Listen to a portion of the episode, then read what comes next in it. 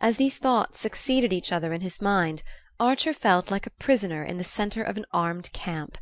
He looked about the table and guessed at the inexorableness of his captors from the tone in which, over the asparagus from Florida, they were dealing with Beaufort and his wife.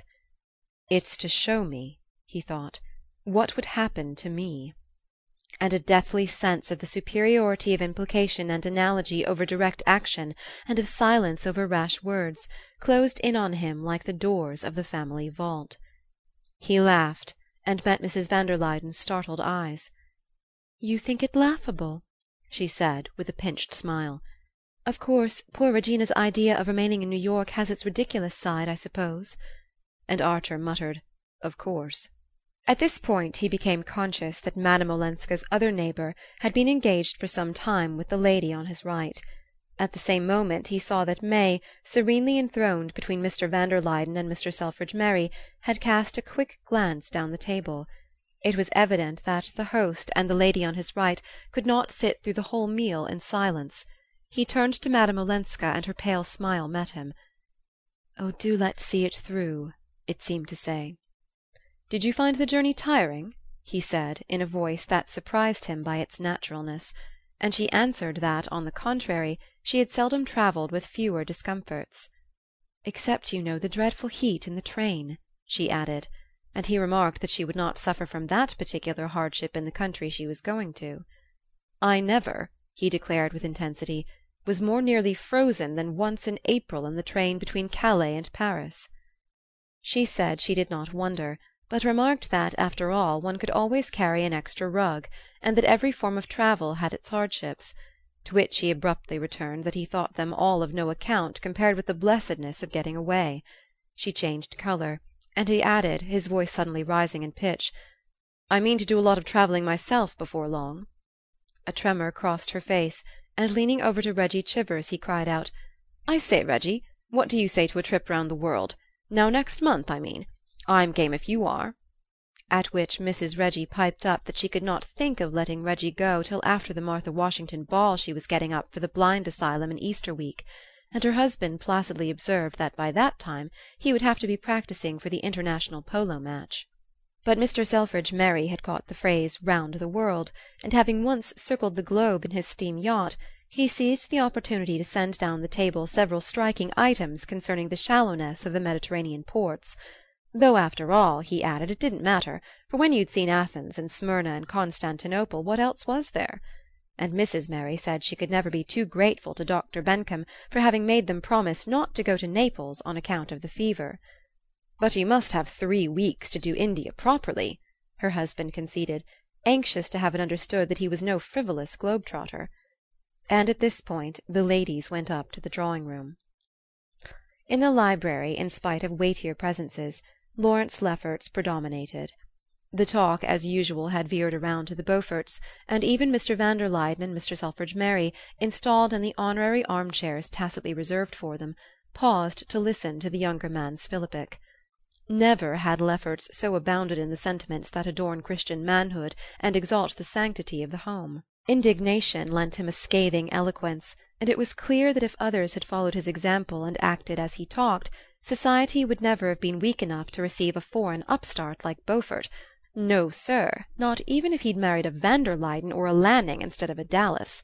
And what chance would there have been, Lefferts wrathfully questioned, of his marrying into such a family as the Dallases, if he had not already wormed his way into certain houses, as people like Mrs. Lemuel Struthers had managed to worm theirs in his wake? If society chose to open its doors to vulgar women the harm was not great, though the gain was doubtful. But once it got in the way of tolerating men of obscure origin and tainted wealth the end was total disintegration, and at no distant date. "If things go on at this pace," Lefferts thundered, looking like a young prophet dressed by Poole, and who had not yet been stoned, "we shall see our children fighting for invitations to swindlers' houses, and marrying Beaufort's bastards." "Oh, I say, draw it mild!" Reggie Chivers and young Newland protested, while Mr. Selfridge Merry looked genuinely alarmed, and an expression of pain and disgust settled on Mr. van der Luyden's sensitive face.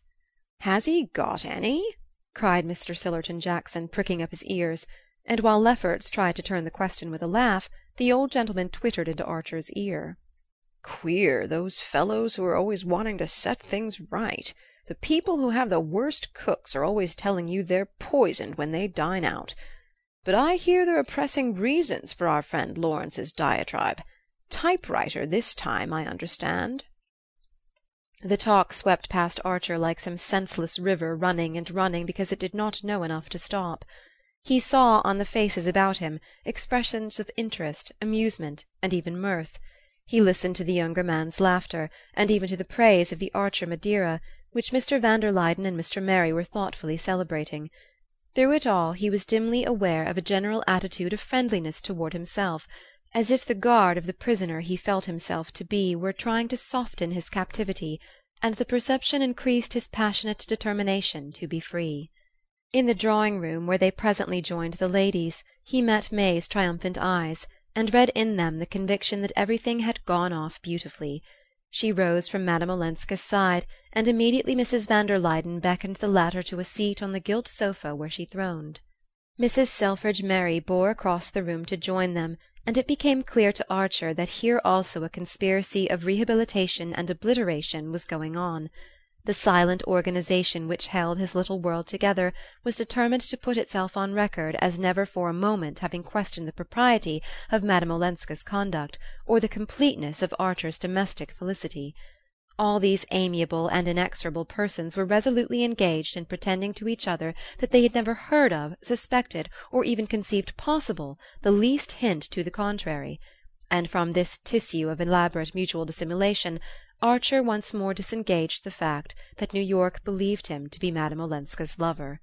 He caught the glitter of victory in his wife's eyes, and for the first time understood that she shared the belief. The discovery roused a laughter of inner devils that reverberated through all his efforts to discuss the Martha Washington ball with Mrs. Reggie Chivers and little Mrs. Newland; and so the evening swept on, running and running, like a senseless river that did not know how to stop. At length he saw that Madame Olenska had risen and was saying good bye. He understood that in a moment she would be gone, and tried to remember what he had said to her at dinner, but he could not recall a single word they had exchanged. She went up to May, the rest of the company making a circle about her as she advanced. The two young women clasped hands; then May bent forward and kissed her cousin. "Certainly our hostess is much the handsomer of the two," Archer heard Reggie Chivers say in an undertone to young Mrs. Newland, and he remembered Beaufort's coarse sneer at May's ineffectual beauty. A moment later he was in the hall, putting Madame Olenska's cloak about her shoulders. Through all his confusion of mind he had held fast to the resolve to say nothing that might startle or disturb her. Convinced that no power could now turn him from this purpose, he had found strength to let events shape themselves as they would. But as he followed Madame Olenska into the hall he thought with a sudden hunger of being for a moment alone with her at the door of her carriage. "Is your carriage here?" he asked; and at that moment Mrs. van der Luyden, who was being majestically inserted into her sables, said gently. We are driving dear Ellen home." Archer's heart gave a jerk, and Madame Olenska, clasping her cloak and fan with one hand, held the other out to him. "Good bye," she said. "Good bye; but I shall see you soon in Paris," he answered aloud. It seemed to him that he had shouted it. "Oh," she murmured, "if you and May could come!" Mr. van der Luyden advanced to give her his arm, and Archer turned to Mrs. van der Luyden. For a moment, in the billowy darkness inside the big landau, he caught the dim oval of a face, eyes shining steadily and she was gone. As he went up the steps he crossed Lawrence Lefferts coming down with his wife. Lefferts caught his host by the sleeve, drawing back to let Gertrude pass. "I say, old chap, do you mind just letting it be understood that I'm dining with you at the club to morrow night? Thanks so much, you old brick. Good night." "It did go off beautifully, didn't it?" May questioned from the threshold of the library. Archer roused himself with a start.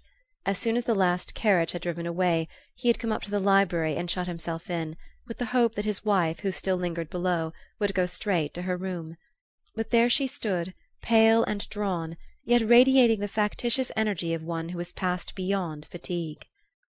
"May I come and talk it over?" she asked. "Of course, if you like but you must be awfully sleepy." "No, I'm not sleepy. I should like to sit with you a little." "Very well," he said, pushing her chair near the fire. She sat down and he resumed his seat, but neither spoke for a long time. At length Archer began abruptly: "Since you're not tired and you want to talk, there's something I must tell you. I tried to the other night." She looked at him quickly. "Yes, dear. Something about yourself?" "About myself. You say you're not tired. Well, I am horribly tired." In an instant she was all tender anxiety. "Oh, I've seen it coming on, Newland. You've been so wickedly overworked." "Perhaps it's that. Anyhow, I want to make a break." "A break? To give up the law?" "To go away, at any rate, at once. On a long trip, ever so far off. Away from everything." He paused, conscious that he had failed in his attempt to speak with the indifference of a man who longs for a change and is yet too weary to welcome it. Do what he would, the chord of eagerness vibrated.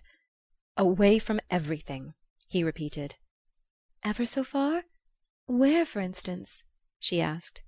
"Oh, I don't know. India or Japan." She stood up, and as he sat with bent head, his chin propped on his hands, he felt her warmly and fragrantly hovering over him. "As far as that? But I'm afraid you can't, dear," she said in an unsteady voice. "Not unless you'll take me with you." And then, as he was silent, she went on, in tones so clear and evenly pitched that each separate syllable tapped like a little hammer on his brain. "That is, if the doctors will let me go; but I'm afraid they won't. For you see, Newland, I've been sure since this morning of something I've been so longing and hoping for." He looked up at her with a sick stare, and she sank down, all dew and roses, and hid her face against his knee. "Oh, my dear," he said, holding her to him while his cold hand stroked her hair. There was a long pause, which the inner devils filled with strident laughter; then May freed herself from his arms and stood up. "You didn't guess?" "Yes I no. That is, of course I hoped They looked at each other for an instant, and again fell silent. Then, turning his eyes from hers, he asked abruptly: "Have you told any one else?" "Only mamma and your mother." She paused, and then added hurriedly, the blood flushing up to her forehead: "That is, and Ellen. You know I told you we'd had a long talk one afternoon, and how dear she was to me." "Ah," said Archer his heart stopping. He felt that his wife was watching him intently. "Did you mind my telling her first, Newland?" "Mind? Why should I?" He made a last effort to collect himself. "But that was a fortnight ago, wasn't it? I thought you said you weren't sure till to day." Her color burned deeper, but she held his gaze.